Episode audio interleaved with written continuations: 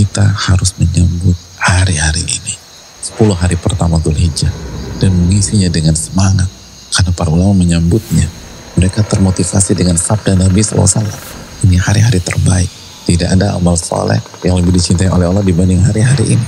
Cara menyambut dan mengisi hari-hari ini prioritaskan amalan-amalan yang wajib. Kenapa demikian? karena amalan-amalan yang wajib adalah amalan-amalan yang paling Allah cintai apa amalan yang paling Allah cintai? mari kita simak apa yang Allah firmankan dalam hadits kursi Gak ada satupun amalan yang dikerjakan hambaku dalam rangka bertakarub kepada diriku yang lebih aku cintai dibanding amalan yang hukumnya wajib atasnya. Maka maksimalkan yang wajib-wajib. Jaga sholat lima waktu.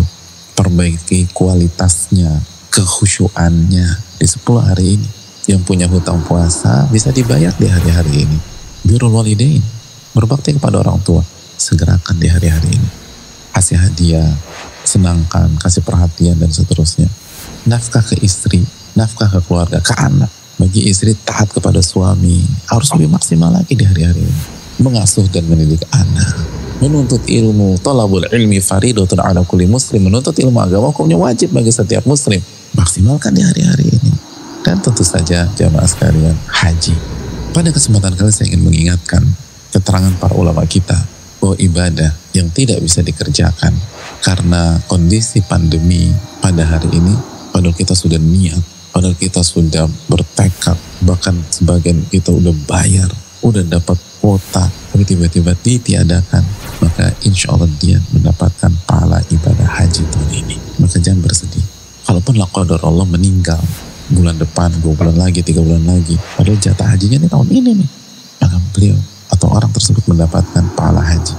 Ada banyak dari di antaranya hadis tentang perang tabuk tidaklah kalian melewati sebuah jalan atau melewati sebuah lomba kecuali yang gak ikut itu dapat pahala kalian. Kenapa? Dalam riwayat habasahumul udhur karena mereka nggak berangkat disebabkan alasan syar'i.